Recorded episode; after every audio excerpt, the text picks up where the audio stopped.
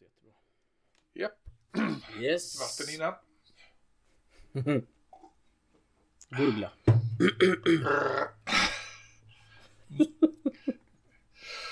Håk Håkansson och Lidborg gör konstiga ljud.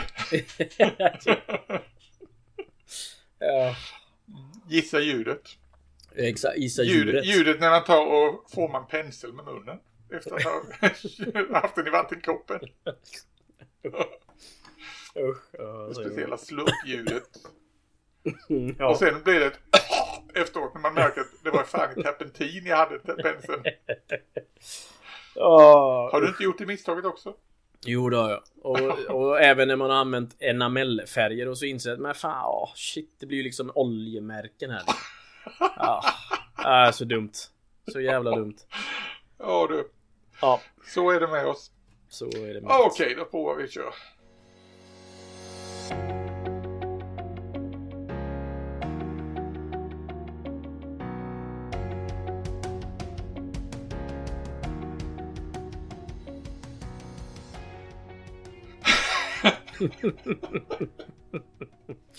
Ja, vi har redan kört igång verkar det som. Välkomna allihopa. Ja, välkomna allihopa till Modellbyggarpodden. Här sitter eh, Fredrik Håkansson och min kollega Christian Lidborg som vanligt. Och eh, ja, vi har väldigt, väldigt internt roligt idag. Det var 14 dagar sedan sist podden var uppe och nu är vi här igen. Yes. Ja. men, Hur är det på byggbordet Christian? jo men tack, väldigt bra. Väldigt bra. Jag tänkte på det faktiskt häromdagen att jag haft, vi har ju pratat om det här med vit inköpsmånad och jag har haft lite sådär eh, ofrivillig inköpsmånad. Och det, är inte så att jag har valt bort utan jag har bara inte haft något behov av att få hem något Okej. paket. Jaha, Och, Jaha, och det känns nästan lite... Ja men lite så att jag ska gå in och beställa något bara för sakens skull. känner Jag du tomhet i själen menar du? Ja men absolut! Alltså det, du vet ju känslan att gå och öppna och hämta ett paket på posten och så komma hem och öppna detta. Ja, Det är ju något alldeles speciellt. Och det har inte jag upplevt nu på flera veckor. Så jag vet inte vad... Nej. Ehm, men, Ja, men men jag- annars... jag har också försökt hålla igen faktiskt men eh, Ja. Det, Det kom, liksom- det kom ett, ett paket häromdagen faktiskt, ett Ebay-paket som jag blev lite glad åt. Okej. Så det höll, det höll med, vad ska jag säga, den här endorfinnivån på en, det, det höll upp den lite lagom. Ja, spännande. Ja. Vad var det i paketet då? Det var en eh, liten Flower Class Corvette i skala 1 på 700, en liten resinmodell av något kinesiskt fabrikat. Jag hade hittat den. Ja, vad kul. Jag tycker ju väldigt mycket om just Flower Class Corvetten. Mm. Det är en underbar liten båt. Det var den vi pratade om att du hade i många skalor, eller? Ja. Hur? Ja. Det började ju någon gång i tonåren med att jag skaffade 1-72-modellen då från eh, Matchbox på den tiden. Mm. Den här stora pjäsen på en meters längd. Åh herregud. Den ligger fortfarande i garaget, inte färdig. Men påbörjad?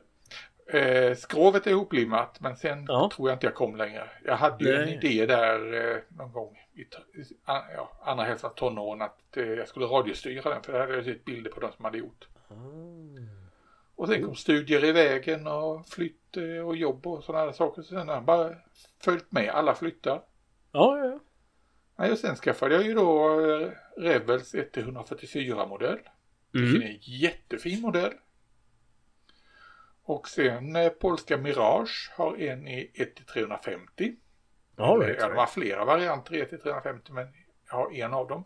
Ja. Och då bara kände jag att okej, nu har jag alla de stora skalorna så jag saknar bara ett på 700. Så då jagade jag rätt på en sådan. Och det hittade en jättekrispig liten modell i resin i 1 på 700. Med ett så hela balletten med. Ja, okej. Men då är den så liten att du kan ändå ha den i din hand så att säga. Du kan hålla upp den i Den är ju, eh, ja, under 10 10 12 centimeter. Under 10. Ja, ja, ja. Det är en liten, liten grej. Så det... Ja, men du som Ja. sagt, ofrivillig... Ofrivillig Vit månad. månad. Ja, Ja. precis. Eh, som sagt, jag får... Jag får göra någonting åt det. Har det, Nej, inte, men- ens har det inte ens blivit lite färg eller någon Nej, men det var just det. Nej, men exakt så. Jag tänkte att jag får ju lägga en order på några 17 ml flaskor åtminstone. För det är ju alltid sånt som slinker med liksom. Men... Eh, nej, ingenting och inget inplanerat heller som jag behöver. Uh, faktiskt. Utan jag bygger ju vidare på min Marder 3 bland annat. Och uh, är på vädringsstadiet med den.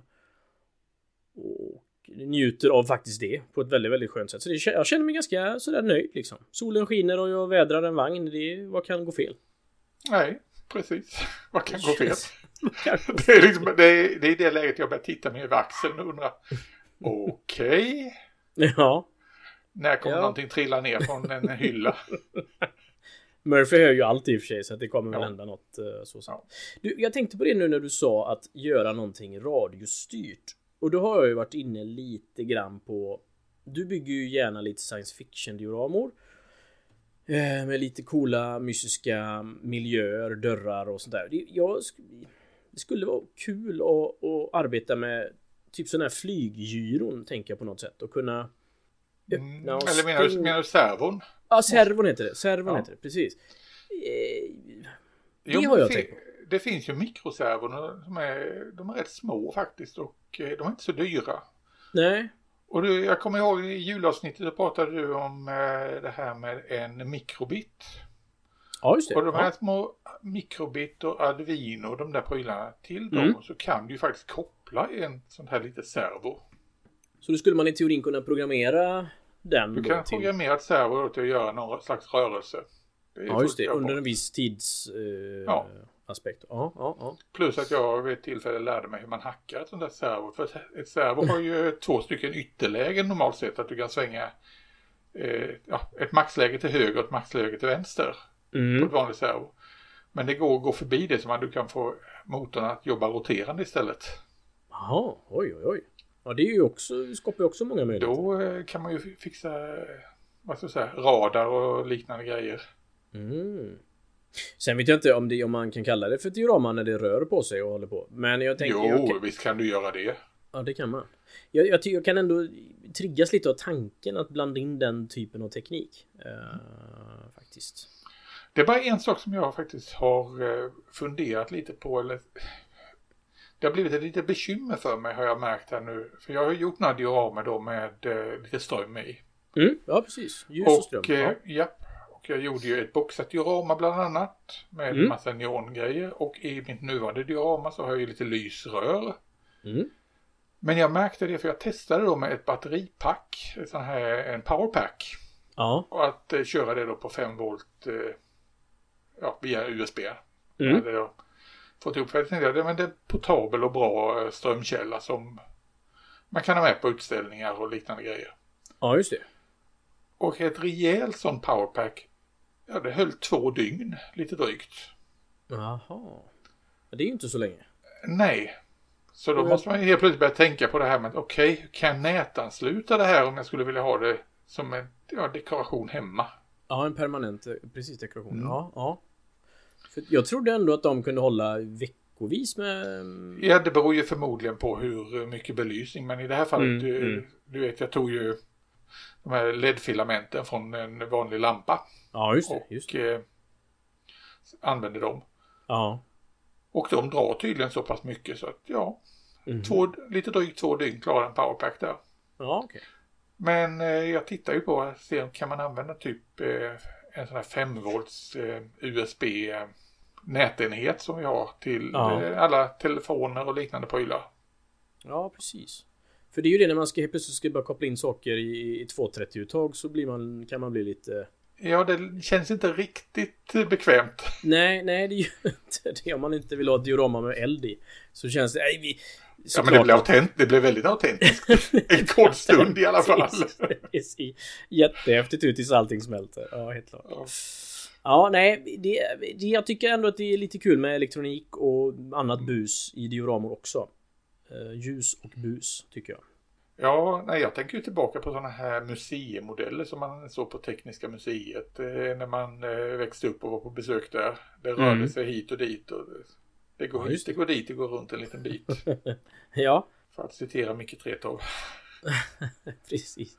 Ja, men det blir lite som, vad heter det här sagoslottet i Liseberg liksom. Den här Ja. Och så kanske man inte behöver det så statiskt utan kan man få det att eh, bli lite menar, Du vill ha en liten vagnchef som håller på och vinkar och vinkar. Och vinkar och, vink och håller på så här statiskt. Och... Ja, det kanske, det kanske går bort, jag vet inte. Det kan, det kan ge lite konstiga vibbar en stund. det kan faktiskt göra det. Ja, ja jag säger då det. Jag Ja. säger då det. Du, eh, om vi nu ska ta och eh, ge oss in i dagens ämne. Mm.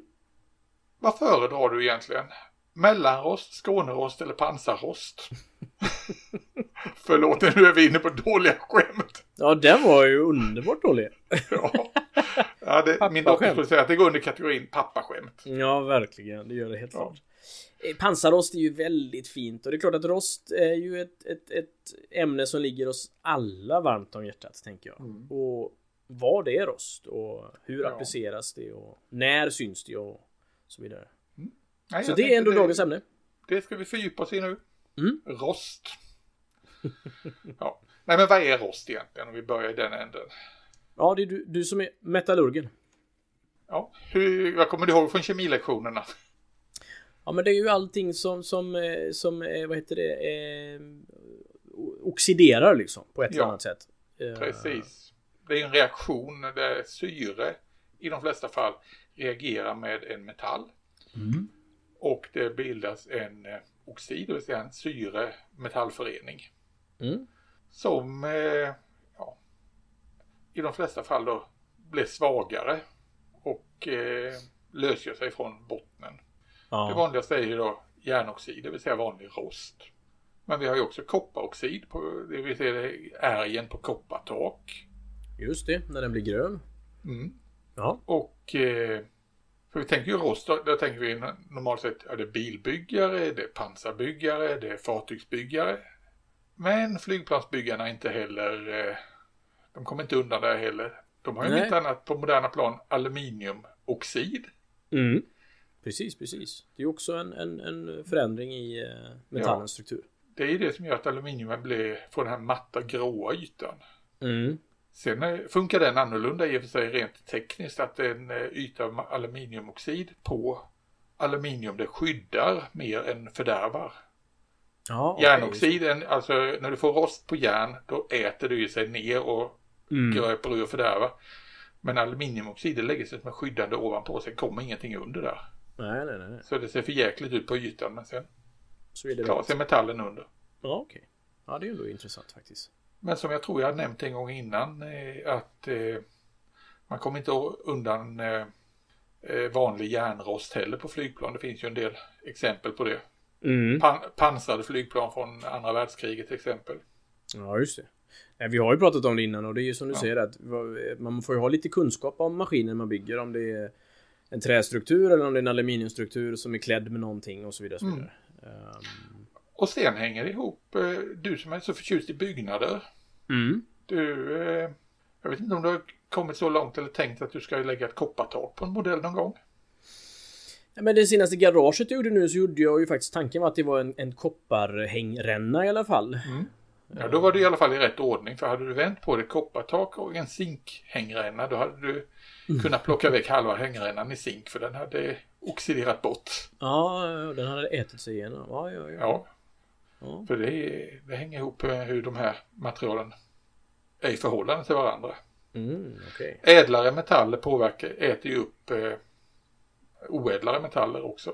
Så Mm. metaller som ligger jämte varandra kan ju också påverka. Det är inte bara syre utan det är ju Ja, syret i det här fallet, det finns ju vatten med. Ja, just det. Det är ju därför det, vi ser reaktioner i många fall. Ja. Och eh, nej men rost är ju någonting också som Varför lägger vi rost på modellen? Varför har vi dem inte bara så här showroom snygga? jo, det är ju jättemånga som föredrar det och egentligen inte alls vill blanda in eh, rost. Men, men har man ett och jobbar man i dioramamiljöer så, så är det ju oftast någonting som används och syns tydligt och då kanske man har närmare till att använda rost, tänker jag. Jag hörde en gång en bilbyggare som hävdade att eh, rostiga fordon Mm. det, det är de som inte kan lägga på en snygg lack som ägnar sig åt det. Just det. ja.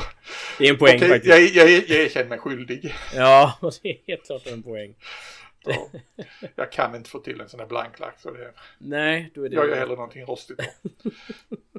Nej men det är ju som, som du säger, man, man måste ju veta hur det uppkommer. Mm. Eller vad är det det har ut- stått, utstått ja, det här fordonet eller föremålet för att bli på det här sättet. Och sen tänker jag också hur, hur skyddas, om man tittar på exempelvis ett tyskt fordon så är det ju oftast en röd primer som ligger under. Mm. Eh, eh, eh, och hur mycket skyddar en sån primer? Och naturligtvis om den slits och nöts bort så skyddar den ju ingenting men eh, Ja det finns ju många aspekter att ta hänsyn till, det gör det verkligen. Mm. Och naturligtvis jättemånga metoder hur man vill efterlikna detta. Och jag tänker att vi, vi pratar om de metoderna som vi föredrar själva. Ja. Ja, är vi kan väl börja med det. Mm. Vad är din favoritmetod för att lägga på rost och vad är det du lägger helst på? Jag antar att det är pansar du tänker på i första hand när det gäller ja, men det att lägga kanske... på rost på någonting. Ja men precis, det kan vara pansar eller kanske någon uteliggande plåt eller någonting annat i ett diorama. Men då, då, då brukar jag nog tänka att antingen så vill jag att det ska komma inifrån och ut eh, eller utifrån och in om du så menar. Alltså att, mm. att man jobbar med en rostbarriär eh, först som, som man lägger på ett, ett ytskikt i någon form. Uh. Om du ska beskriva byggprocessen eller målningsprocessen för att få fram den här rostiga ytan då? Mm. Ja men då skulle jag nog börja med ett, ett lager, och exempelvis om man ska börja inifrån och ut, så skulle jag börja med ett lager som är en, en brunrostton. Och sen så skulle jag Tycker jag föredrar svampdutta detta med antingen akrylfärg eller utblandad eh, pigment i någon form av rostfärg. Och därefter så förseglar jag det och så, så kan man ju då börja jobba utifrån med någon färg om man vill att det ska Antingen någon saltmetod eller hårspraysmetod om man vill arbeta från det hållet då. Mm. Och då kan vi, kan vi kan bara ska förklara vad saltmetoden och hårspraysmetoden är för någonting. Mm. Saltmetoden det innebär ju då att du som du sa förseglar ytan och sen tar du och blöter ytan, fuktar ytan och eh, strösslar på grovsalt helt enkelt på ett oregelbundet sätt. Så att det, och sen när det har torkat så drar du på ett ytlager med färg. Och sen är det väl bara att putsa bort mm. saltet. Ja precis, antingen med någon halvstyv tandborste eller någon, någon, någon annan borste som är något styvare. Mm. Uh, helt sant. Och hårspraysmetoden då? Vad ska vi säga om den? Ja men jag har ju faktiskt, jag tycker att jag lärt mig de här små knepen med den äntligen. Förut så det är ju precis samma metod som du sa. Istället för att blöta ner och lägga på salt så i det läget så, så sprayar man eh, hårspray. Antingen från airbrush eller direkt från hårspraysflaskan. Mm. Men det jag har börjat göra det sista här nu det är att jag faktiskt blandar ut det med vatten eh, något. Kanske 60-40 med, med fördel hårspray. Och så penslar jag på det tunt lager för då märker jag att tar jag hårspray rätt över och blir ett tjockt lager så blir det ganska stora chunks som faller av mm. när jag sen tar bort det. det ja, för grejen med hårsprayet är ju det att färglagret man drar på ovanpå hårsprayet, precis när hårsprayet har torkat. Mm. Det kommer ju påverkas av hårspray. För hårsprayet när du blöter ner det sen, fuktar det med en pensel och, och eh, sen börjar gnugga på det med en styv med en styv borste, typ en tandborste eller någonting. Då lossnar ju det hårsprayet. Mm och rostlagret som man har under kommer ju fram. Mm. Men eh, ja, du sa du, du lägger på det för hand då? Ja, i de fallen jag kan så penslar jag hellre på det i tunt lager mm. Och eh, lägger då på en, en airbrush eh, mist av färgen därefter. Och så jobbar jag och då får jag mindre flakes eller mindre störningar mm. eller vad ska man säga, mindre avskalningar. Ja. Um, Men du, samma grej då som eh, hårsprayet är ju alla de här olika chipping fluids som finns. Av ja, olika fabrikat. Hur, har du testat dem i mm. jämförelse med hårspray? Vad tycker du om dem i förhållande till hårspray? För hårspray är ju original. Ja men det är det. Alltså i min värld så tänker jag att det är hårspray de har lagt i burk. Ja. så, och satt en jag... hög, högre prislapp på det bara. Och en högre prislapp. Men jag kan ja. faktiskt inte märka. Jag har testat det, eh, olika varianter av det. Men jag kan inte märka någon. Det, det blir ju samma effekt tycker jag varken bättre eller sämre. Um, sen kanske det kan vara, det är ju alltid skönt att köpa någonting som är dedikerat våran modellbyggarhobby. Det kan jag ju. Men jag tänker att många har ju tillgång till hårspray på ett eller annat sätt i du använder inte så mycket hårspray. Men det är Nej, men de tittar konstigt på mig när jag går och köper hårspray. Kan jag säga. Just för det här. Ja, absolut. Och jag, bryr, jag bryr mig inte om att förklara att jag ska ha till modellbygge. Jag bara, flin, jag bara flinar åt dem. Exakt, helt rätt. Däremot har jag också märkt att ju det kanske låter fånigt, men ju billigare hårspray desto bättre ibland också tycker jag. Det behöver Ja. inte vara något eh, fancy pansy utan... Nej, De- de, eh, dyrare tror jag, de kan bara vara mer krångliga att använda. Ja, precis. Nej, men jag har testat de här, några av de här produkterna. Bland annat AKs har de ju eh, två, Mm. två varianter. Heavy chipping och eh, vad heter den andra? Sån här, Den heter ja, en, bara shipping fluid den andra ja, eller någon mildare variant av det. Ja, ja. Och eh, ja, det är som du säger, man får, det är som om man, eh, den här som ska ge mindre flakes då. Mm. Det är bara som om du har blandat ut den med, med vatten. Ja, ja. Jag får den känslan. Ja. Ja, det är lite... Ja. Man får hitta sin grej helt enkelt. Och Mm. det, det här är ju beprövade metoder som har funnits länge, länge, länge, länge. Mm. Och, och faktiskt gör jobbet tycker jag. Sen kan man ju, så får man ju naturligtvis eftervädra detta också då. Utifrån de eh, kunskaper och den viljan man har. Eh, Mm. Så det finns ju mycket kvar att göra efter detta. Det- Innan jag glömmer det. Det jag skulle säga förut var nämligen att det här med pigment. Och jag tyckte att jag... Jag kan nog ibland tycka att jag har varit före min tid och jag förstår att jag inte är ensam i världen om detta. Men då tog jag... Det här var i början av min modell, modellbyggarkarriär. Men då tog jag faktiskt och blötte ner stålull. Och det är naturligtvis inte ovanligt nu för tiden. Eh, och så lät det stå över natten och gärna då med någon form av saltvatten eller någonting. Att jag tog saltvatten. Och sen dagen efter så liksom försökte man pulverisera det mellan fingrarna ut då på ett, på ett papper och då blir det ju äkta pigmentpulver i rost. Ja. Eh, och det tyckte jag funkade faktiskt väldigt, väldigt bra. En annan variant på det, det är ju att eh, du tar just den här stålullen och sen eh, lägger det ihop med ättika. Mm, alright. Och då, Ja. då får du i princip eh, flytande pigment ju. Ah, Det har jag använt vid att använda den flytande biten då för att i princip göra en pinwash och liknande grejer med. Mhm, ja det har jag är, inte det, testat. är, det är exakt samma grej. Ja, ja, ja, ja. Cool, cool, cool. För det löser upp hela stålullen nu i princip? Ja, eller det, ja, mer eller mindre. Mm. Efter ett litet tag. Ja. Men det, det är ju det här, vad ska jag säga, geggan i botten. Eh, Ja. eh, Vätskan, den kan du använda precis som du säger du kan använda själva stålullen som har trillat sönder. Ja, ja, ja. Och så, ja men precis. Och så torkar det sen matt och snyggt och... Ja, Nej, ja, vä- väldigt coolt. Och det är klart att hemligheten till många av de här grejerna det är ju också färgmodulation. Att man inte använder kanske en enda rostnyans utan att man använder väldigt, väldigt många olika. Mm. Rost kan ju verkligen se olika ut och det vet vi ju alla om naturligtvis. ja och det är ju som sagt väldigt, väldigt olika beroende på och där måste man ju tänka igenom bakgrunden Mm. en hel del. Ja, min egen favoritmetod är ju ungefär som du att jag jag tycker om att, eh, att, vi kan säga att det beror ju på vad man gör för någonting också. Ja. Men tar man mina science fiction-modeller, robotar och så vidare så brukar det ofta vara då ett lager med rost i botten, alltså lite olika nyanser. Mm. Och sen hårspraysmetod, på med ett färglager ovanpå och chippa loss. Ja. Men eh, jag har blivit mer och mer försiktig med det här med chippningen nu och istället eh, eh, jobba mer då med eh, svampning ovanpå. Mm. Yes. För det tycker jag är rätt så. Och sen kombinerar jag den här chippningen med att eh, till exempel använda eh, en av mina favoritprodukter. Det är ju Valleys eh, Rust Texture. Mm, jaha, den har jag faktiskt inte testat. Nej, men det blir alltså, det är, ja, vad ska jag säga? Brun gegga, lite grov, lite kornig. Ja, alright. Så när jag lägger på den så ser det ut som eh, rost som har börjat svälla och så det kan man ha på vissa ställen. Ja, precis. Och det i kombination sen då med eh, pigment till exempel. Fly, antingen flytande pigment eller vanlig pigment. Och framförallt oljefärg. Ja, precis, precis. Oljefärg älskar jag som sista steg när det gäller att jobba med rost. Mm.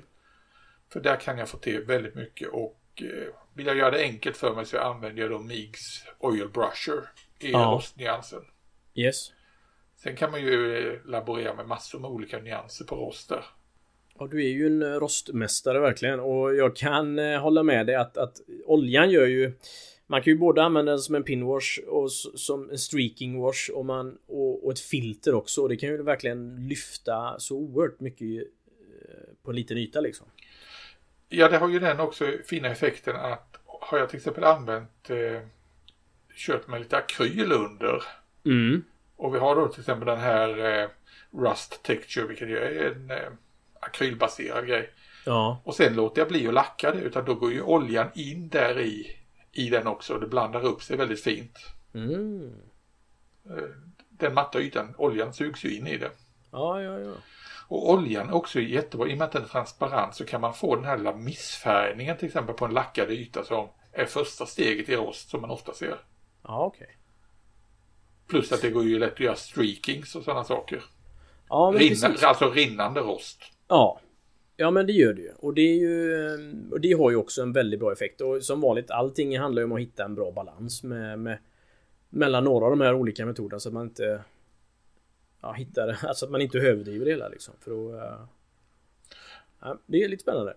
Ja, nej men jag har sett andra intressanta metoder där man har eh, eh, vad ska jag säga, lagt fram, för det handlar ju ofta om att man lägger ett rostlager under så sen försöker man jobba fram eh, rosten genom ett färglager. Mm. Och eh, jag såg en metod, det var ju det som Charles King pratade ju om att han eh, gnuggar fram det och så vidare. Ja, just det. det är väldigt imponerande.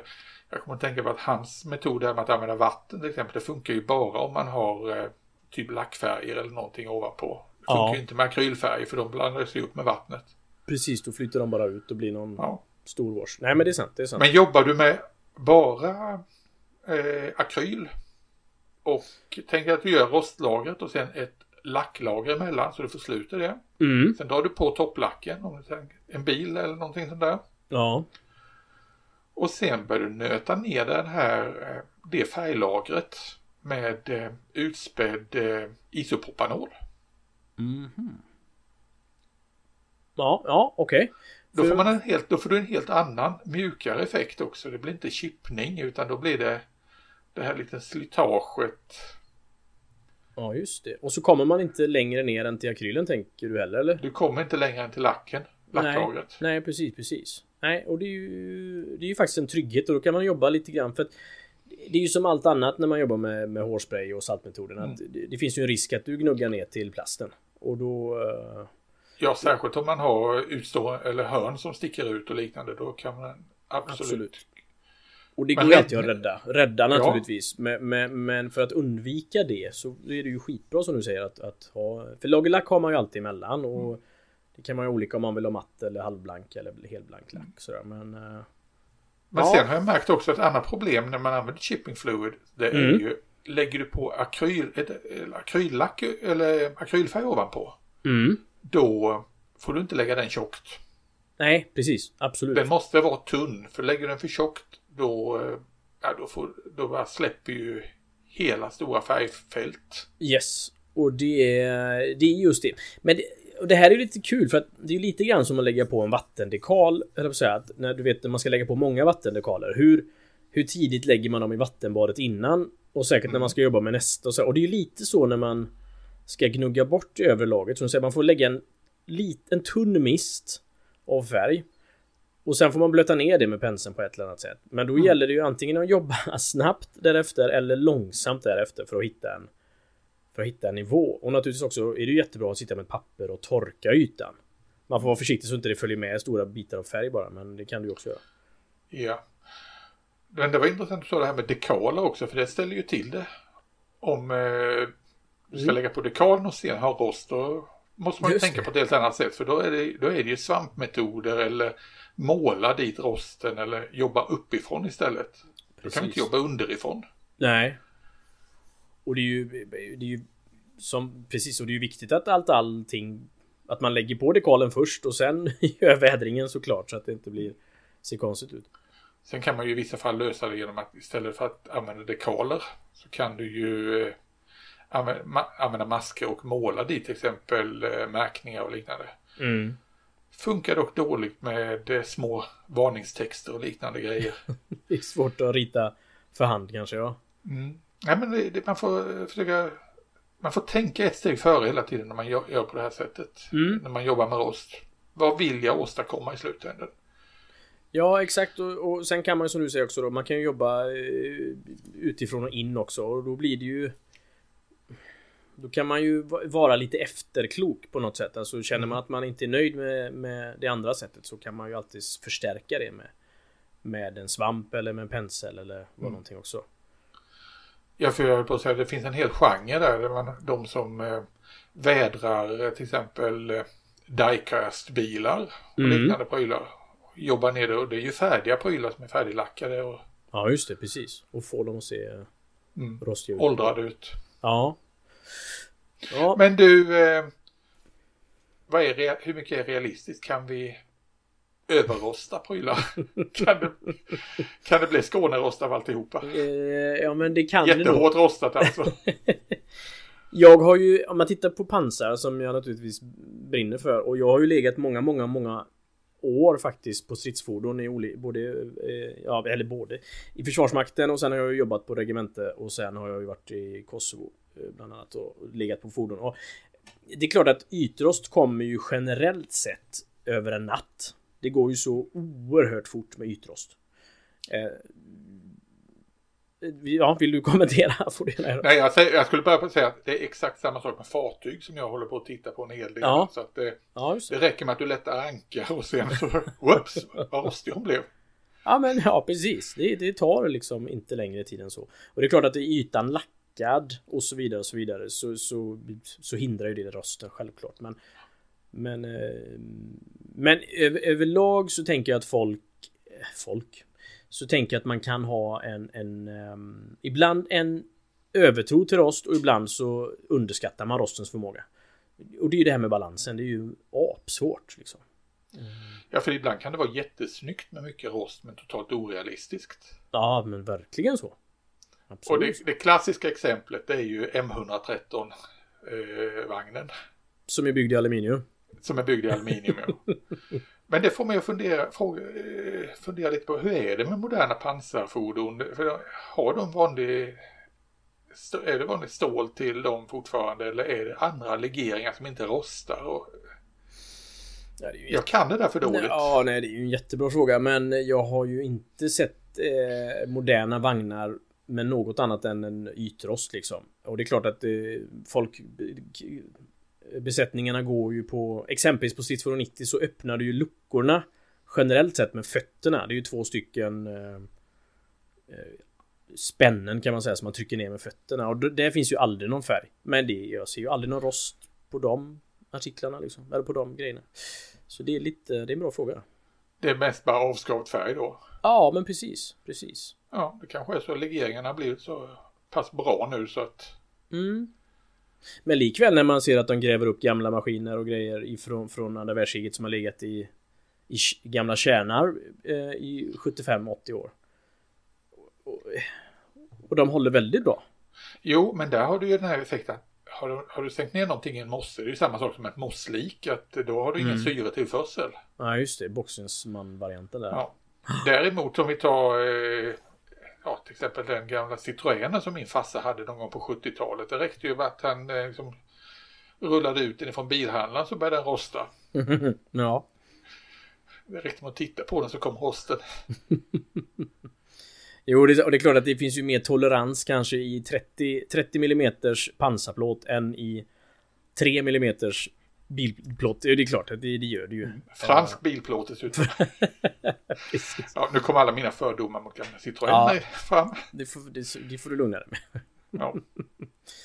Nej men det, det, det är lite spännande. Men, men som sagt, jag tycker om man tittar på band och sånt så, så eh, övervädrar man dem generellt sett. I form av rost. Utan de är oftast väldigt sällan rostiga. Om de inte har stått mer än två dygn. Men är det en vagn som rör sig så försvinner rosten ASAP. Då blir de ju sandblästrade precis direkt genast liksom. Så ja, rosten sitter ju bara kvar på de ytor som inte utsätts för mekanisk nötning. Absolut. Däremot så, däremot så kommer vi till nästa grej då som är nästan som rost och det är ju det här med chippning. Där färgen har slitits av och det blev metallrent som du säger. Mm.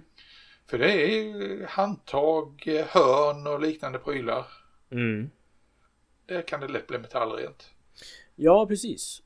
Men det är ju också som du säger med fartyg där att man att det är förvånansvärt mycket rostiga maskiner som kommer in ifrån när de har varit ute i tre månader på en patrull. Eh, och de kommer in som rostiga lik i princip. Och så tänker man att det är militär disciplin, man målar och håller ordning liksom sådär. Men det, det under omständigheterna Ja. går ju inte det liksom. Nej, alltså ligger du ute på Nordsjön så skickar du inte ut någon, någon kille i, på en repgunga utan på liksom nu ska du ta och måla om båten. Tänk att de borde ha gjort det ändå, men det, de är väl kanske lite ja. lata de som... Eh, ja, då blir du en matros fattigare ganska snabbt där skulle jag tro. ja. Ja, jösses. Ja. Ja, nej men du, eh, vi kan väl säga också att det finns ju massor med litteratur kring det här med rost. Mm. För det första, de flesta böcker som handlar om att måla stridsvagnar mm. tar upp väldigt mycket om rost. Just det. Bland mina favoriter så har vi ju eh, AKs stora FAQ-boken. Ja. ja, precis. Och jag vet att, eh, nu har jag inte skaffat den, men eh, MIG har ju en motsvarande serie om eh, stridsvagnsbyggande. Allting från byggande till målande och vädrande. Mm. Och rostditon där också finns. Ehm, så det finns ju mycket litteratur som du säger om ja. det. Och, och det finns ju tusen fler metoder än de vi har nämnt också här idag. Ja, men ska jag ta mina favoritböcker så är det en av nu ska vi se, det är Mig Amos mm. böcker som heter Modeling School. Ja. The Modeling Guide for Rust and Oxidation. Relativt nyutkommen bok. Ja, den har inte sett. Ja, vad fin. Nej. Eh, det fina med den är att den tar upp eh, flera typer av rost. Inte bara eh, vanlig rost på järn. Utan nej, här nej, tar nej. du upp alltså rost på eh, koppar och liknande saker. Ja. Vi tar upp eh, oxidation på aluminium. Mm. Den boken eh, går in lite på rost på fartyg. Ja. Så det är lite varierad och eh, det känns som en bra bok att börja med. Mm.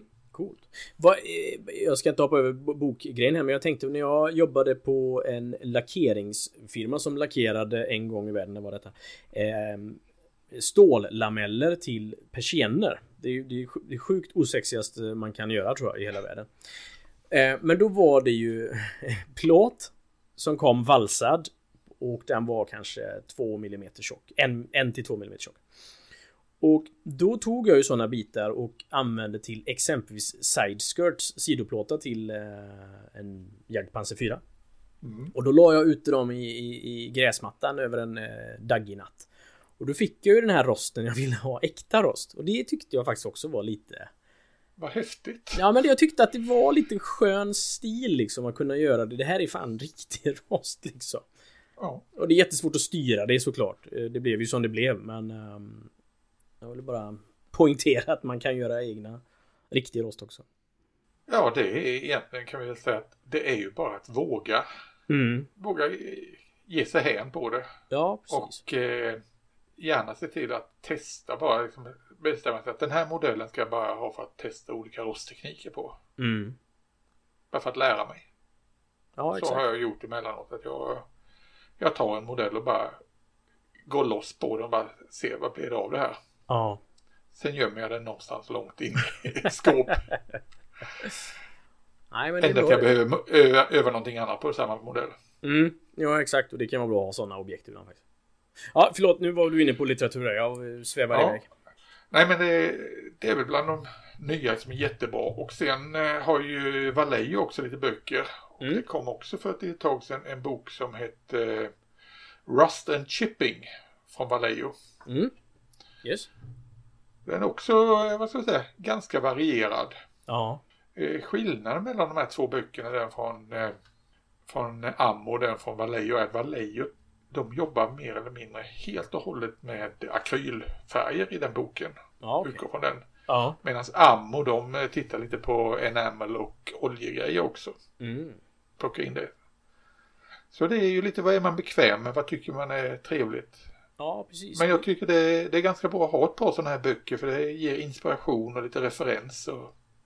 Ja, verkligen. Och just att man kan våga använda både akrylsidan som är lite mer statiskt kanske och så enamel och olja som ger lite mer eh, Ja men tid och möjlighet. Och... Ja, precis. Mer tid. Kan jobba mer med det. Mm. Det blir ändå lite, lite skillnad och kan man kombinera de två så tror jag att man faktiskt har kommit väldigt långt. Ja, spännande, spännande litteratur. Mm. Helt klart. På tal om litteratur. Mm. Du hade lite fundering just kring litteratur. det har gått och gnagt i det här. Ja, Vill du men... utveckla ämnet? Det gör jag gärna för att jag eh, låg i min säng och noterade min eh, skammen över att ha en litteraturhylla full och då är det, det kan ju vara olika saker. I litteratur så lägger jag ju äh, begreppet litteratur lägger jag i äh, magasin, alltså modellmagasin, military modeler, modeling och så vidare och så vidare.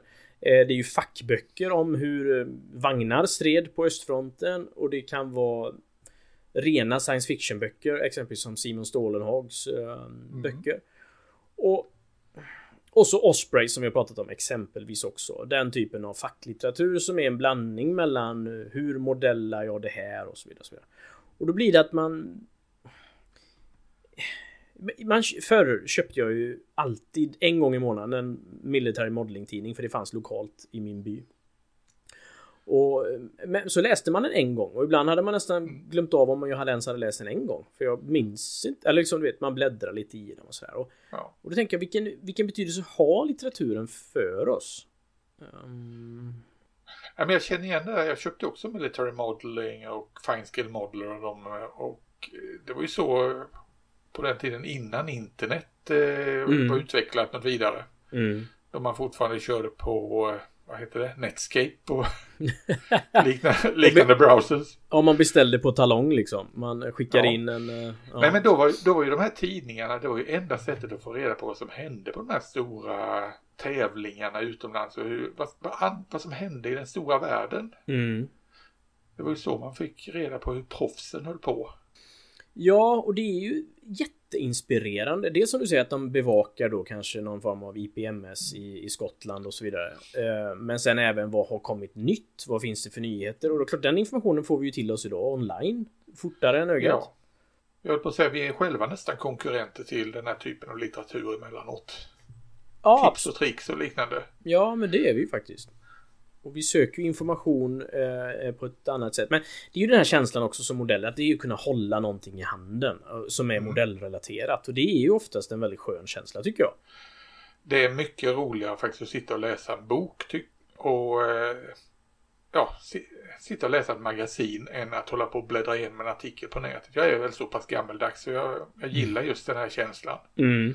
Och att kunna gå tillbaka Sen om vi tar våra svenska varianter som Allt om hobby till exempel som jag eh, prenumererar på. Ja. Där får jag en lite bredare koll också på hobbyvärlden i Sverige. Ja, just det. Vad är det som händer och så vidare. För det är, jag, har ett rätt, jag har ett rätt brett hobbyintresse, inte bara just modellbygge utan jag... Mm. Även om jag inte bygger modelljärnvägar tycker jag det är intressant och radiostyrningar, ja det är lite småkul det också och så vidare. Mm. Nej men jag kan hålla med att det... man får den bredden är väldigt tacksamt. jag blir allmänbildad av det. Ja, precis. Och, och, inte osällan så går ju våra hobbys ganska nära varandra, in i varandra liksom på ett eller annat mm. sätt. Och eh, det kan jag med. Och sen, sen, sen, sen är jag ju uppvuxen också med allt om hobby. Det, har alltid, det fanns alltid hemma allt om hobby. Ja, ja, ja, ja. Ja, då blir det ju så skillnad också. Jag, eh, jag börjar ju nu är inte jag en, en, bokläsare av rang utan det har ju alltid varit någon form av faktabok. Så jag, det är ju faktaböcker i hela mitt liv. Jag har ju inte varit en, en romanslukare eller novellslukare och sådär. Men jag kan ju Information på internet är ju en sak, men när man vet att det är en information rörande en specifik nisch, exempelvis Jag har ju varit väldigt intresserad av tigrar, tigerettor primärt, mm. tyska vagnar. Ehm, och då kan man ju gå in i boken Tigers in Combat 1 och 2 exempelvis som jag har hemma. Och då kan man ju få reda på information ner på plutonsnivå och då i respektive bataljon då. I alla tunga bataljoner och även SS-bataljoner. Mm. Och den informationen, att söka sig den på nätet är ju svår det är svårt att hitta och det är svårt att hitta nästa gång och så vidare. Och så vidare. Då kan ju en bok ha en gigantisk tjusning i att den informationen finns där. Alltid. Ja, och förhoppningsvis så är det mycket mer pålitlig också. För på internet det, det, vet, det, måste, det är svårare att källgranska helt enkelt. Mm, mm. Helt rätt, helt rätt. Här är ju ändå dedikerade forskare eller intressenter mm. som har engagerat sig liksom i detta. Men du, eh, om du ska bygga en, en modell, till exempel, vi tar din Marder 3 här. Mm. Hur mycket litteratur skaffar du till den då? Referensmaterial bakom? Ja, men jag har nu... Förr var jag nog mer för vad ska man säga, litteraturmaterial. Att man gärna köpte Osprey i boken om ett specifikt ämne. Liksom, just för att se hur andra har gjort eller avvikelser så här. Men nu är jag mer fokuserad på att veta vad vagnen tillhörde för förband och så pluggar jag mer på om förbandet istället. Det tycker jag är mycket viktigare för mig än eh, om, en, om, den, om det saknades en krok någonstans där och här och sådär. Om du förstår vad jag menar. Mm. Men... Nej, men eh, jag, jag kan hålla med dig. Det, historien bakom saker och ting blir mer och mer mm. intressant. Mm. Faktiskt. Jag som, jag som bygger, bygger mycket fartyg. Ja. Och fartyg brukar ju ofta vara sådana one-off i många fall. Ja, precis. Och då finns det ju verkligen en historik bakom varje, varje fartyg. Det gör det och det är ju det som är så fascinerande i våran hobby att vi, den här historiken kommer vi aldrig bli fulledda på. Det finns så mycket, så mycket, så mycket ja. att ta in liksom.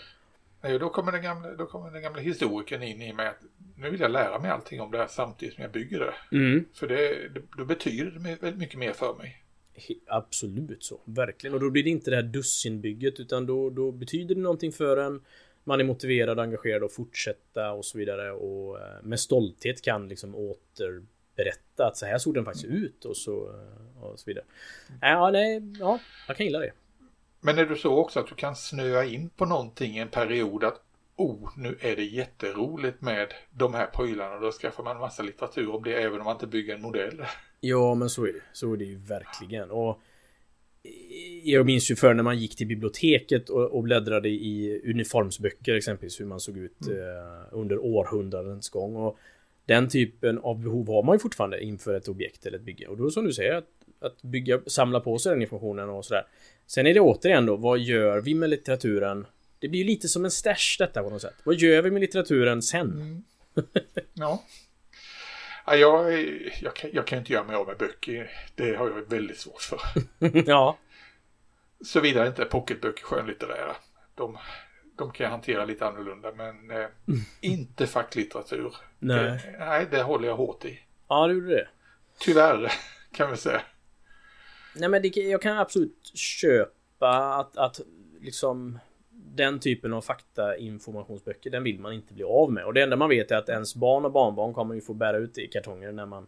Sista dagen liksom. Um, får hoppas de lämnar det till ett bra antikvariat i alla fall. Det får vi hoppas att de ja. Uh, så är det Men alla magasin och så då? Alla tidningar? Uh, nej, men där har jag faktiskt varit tvungen att genom åren rensa ganska mycket. Ja. Jag, jag menar, jag hade väl tio årgångar military modeling liggande men ja, på grund av flyttar och så vidare så var jag tvungen att göra mig av med alltihopa. Ja. Och eh, nu så här i efterhand så var det kanske dumt att bara slänga det i pappersåtervinningen men det gjorde jag faktiskt då för jag såg inget värde. Det fanns ingen marknad för det. Jag vet inte vad jag skulle göra av det grejerna. Idag Nej. hade jag kanske hanterat det annorlunda tack vare internet. Ja, precis, precis. För idag kan man väl lägga ut det någon som är intresserad av tio årgångar military modeling. Mm. Ja, exakt. Så ja. det hade väl varit någon som hade förbarmat sig över det, men på den tiden fanns inte den möjligheten. Nej. Jag minns faktiskt när jag var ung så var det någon i Alingsås som jag bor i som hade slängt eh, massa military modeling tidningar i eh, i pappersåtervinningen och jag blev ju, jag klättrade ju såklart in i den här förbannade eh, containern och beklädde. Jag kan inte förstå hur man kunde slänga detta i pappersåtervinning. Jag tyckte det var så konstigt. Nej. Ja. Nej, och jag vet ett tag var det då eh, Warhammer och sådana prylar och då var det ju White Dwarf och liknande Just, tidningar. Och, precis, ja. Man har haft sina perioder. ja, jag hade också en White Dwarf-period faktiskt. Och Eh, det var oerhört inspirerande tycker jag att se hur de målade och de donade. Ja. Men vad har du snöat in på för, för böcker nu senast då? Ja men det har ju varit väldigt mycket äh, tyskt pansar. Och det, har varit, och det har ju kommit ganska mycket bra också. Och, och klassiska varianter som Otokarius, Tigers in the Mud och exempelvis så. Då får man ju liksom en, en förstahandsinformation också om hur det var och, och så att mm, Nej men jag, jag, kan verkligen uppskatta och framförallt då nu när jag också har ett stort intresse för För alla konflikter som Israel har ställts inför också. Det har ju varit mycket litteratur kring det. Ja, ja. Och det är skillnad på böcker och internet. Jag, får faktiskt, jag har nog kanske inte tyckt och tänkt innan men jag får nog vidhålla det nu för tiden att det, det är skillnad. Ja, nej själv har jag, jag har ju snöat in på uh, pre-dreadnoughts. Ja, ah, oj. Pre, alltså det vill säga det... gam, äldre pansarfartyg. Ja, okej, okay, okej. Okay. Ja, du vet, jag har ju snackat om de skönhet, vad jag, vad jag tycker är liksom skönheten i de här stålmonstren. Ja, det är lite sekelskifteshistoria. Eh. Ja. ja. Så, eh, nej, jag har upptäckt att det finns ju en flora av engelsk litteratur kring detta. Och de är ju inte alls inriktade för en modellbyggare, det är det ju inte, utan det är, det är ju, då, det är ju nautika helt enkelt. Ja, okej. Okay. tycker att det, det här är roliga saker med, just med, med eh, sjökrigshistoria. Ja, ja, ja. På vilken sätt är, oftast, eh, vad ska jag säga, hur, hur packas detta samman då, informationen? Ja, nu det senaste var faktiskt en bok om eh, franska slagskepp eh, under första världskriget. Mm. Hette boken. All right. En tjock bok av en kille som heter John Jordan och Philippe eh, Carres. Ja. Eller jag vet inte om det ska uttalas på engelska eller franska. Mm. Men det är alltså en eh, tjock jäkla bok. På ett antal hundra sidor. Ja. Som, eh, ja den sätter väl igång någonstans på 1880-1890-talet och mm. Eh, sträcker sig fram till 1920-talet. Ja. Okay. Kör de tyngsta franska skeppen och totala genomgångar av varje fartygstyp med ja, hur såg maskinen ut på dem? Hur var beväpning? Pansartjocklekar? Hur var manskapsutrymmen? Det var ju planer och allt möjligt. Ja, okej. Okay. Och man kan väl säga att ja, som modellbyggare, om jag skulle bygga något av de här fartygen så har jag kanske nytta av mm. 10% av informationen. Mm. Ja, okej. Okay. Så det är, det är mycket goodwill. Det är, nörde, det är nörderi. Det är mycket, mycket nörderi. Ja.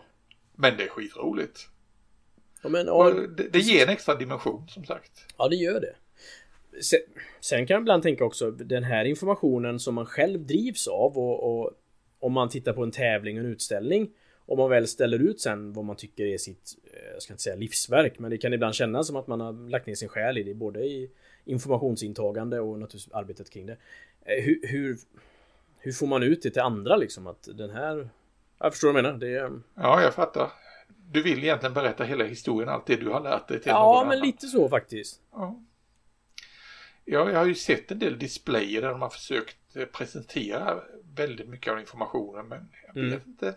Det kanske inte finns någon mottagare för det. Jag vet inte heller liksom att det... Nej, vi kanske ska vara nöjda med att vi har lärt oss någonting. Ja, det kanske ska Och sen alla som kommer hem och besöker oss kan vi liksom Råkar de slänga ett getöga på modellen så ja, du såg min modell där. Ska jag berätta hela historien bakom den? Och ska precis. Fast. Jag ska ta den korta versionen, den tar bara tre timmar. Um, mm. Mm. Nej, det är, det, är, det är ju vårt egna historieintresse på något sätt som, ja. som korsas i den här hobbyn vi har som gör att vissa objekt blir jättemer spännande och intressanta för oss. Um... Sen eh, science fiction-litteratur och så vidare, det är ju helt andra grejer. Det är ju design ofta man tittar bara på. Mm. Design, i alla fall gör jag det. Design, eh, färgscheman, liknande saker. Blir inspirerad av det. Ja, right, right. Jag har ju innan pratat om eh, eh, en gammal konstnär som heter Chris Foss som gjorde rymdskepp. Mm. Målade det. Ja. Och hans färgmönster som färgkombinationer på de grejerna är ju helt fantastiska och är ju en jätteinspirationskälla. Coolt. Ibland undrar, man skulle gå in och titta i deras hjärna och det är klart att något knas är det ju. Men det är fascinerande. Man kan trolla fram former liksom fritt ur, min, ur huvudet och så presentera dem grafiskt sen. Eh, som mm. är så inspirerande.